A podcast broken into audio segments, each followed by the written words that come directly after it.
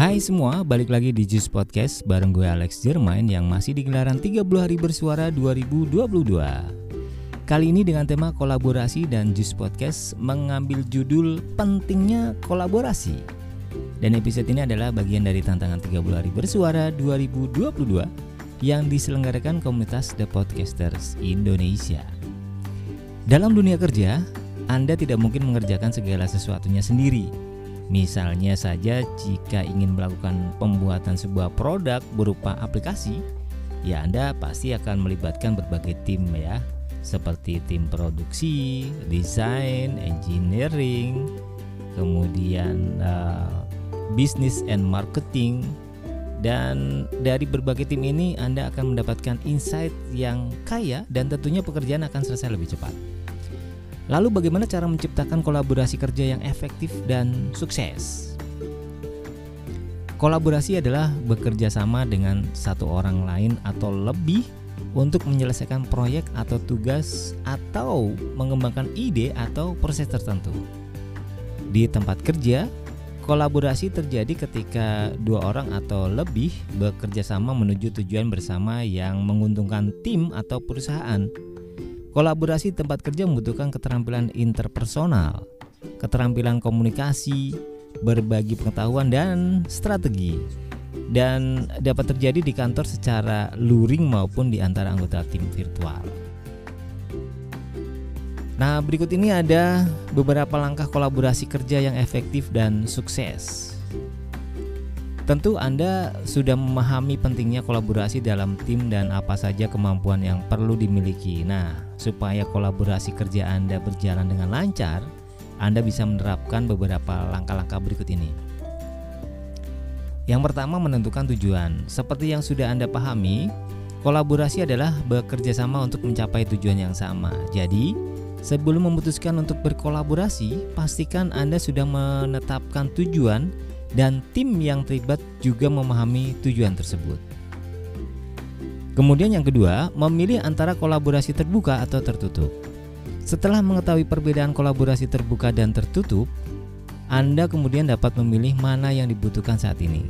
Jika Anda menginginkan banyak ide-ide baru, kolaborasi terbuka merupakan pilihan yang tepat anda bahkan bisa melibatkan seluruh pegawai perusahaan misalnya ketika ingin mengumpulkan ide untuk desain produk terbaru dan membutuhkan ide yang out of the box tapi tetap relevan.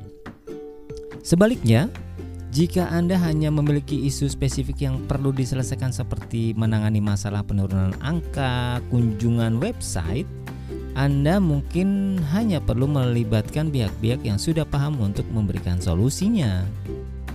Yang ketiga, libatkan orang yang tepat.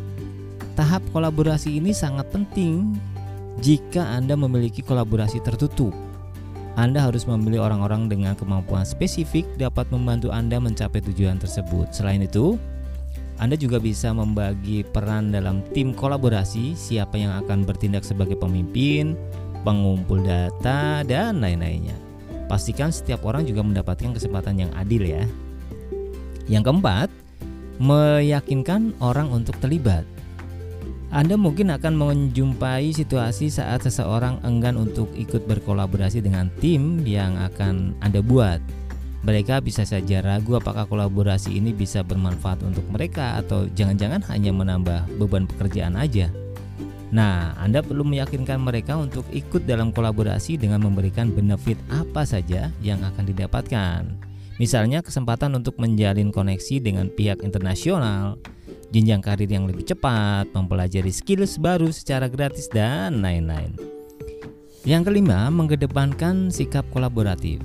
Saat memutuskan kolaborasi, Anda harus siap bersifat kolaboratif sesuai dengan apa yang telah dijelaskan tadi ya. Dan Anda perlu memiliki kemampuan berbicara dan mendengar, menghargai perbedaan dan peka terhadap situasi.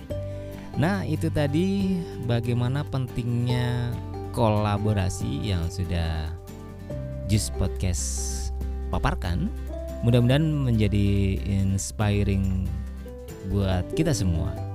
Alright, sekian episode kali ini dan tetap nantikan episode-episode berikutnya dari Just Podcast masih ada beberapa episode lagi yang uh, kita gelar sebelum berakhirnya event uh, 30 hari bersuara 2022 ini. Gue Alexi Remain pamit.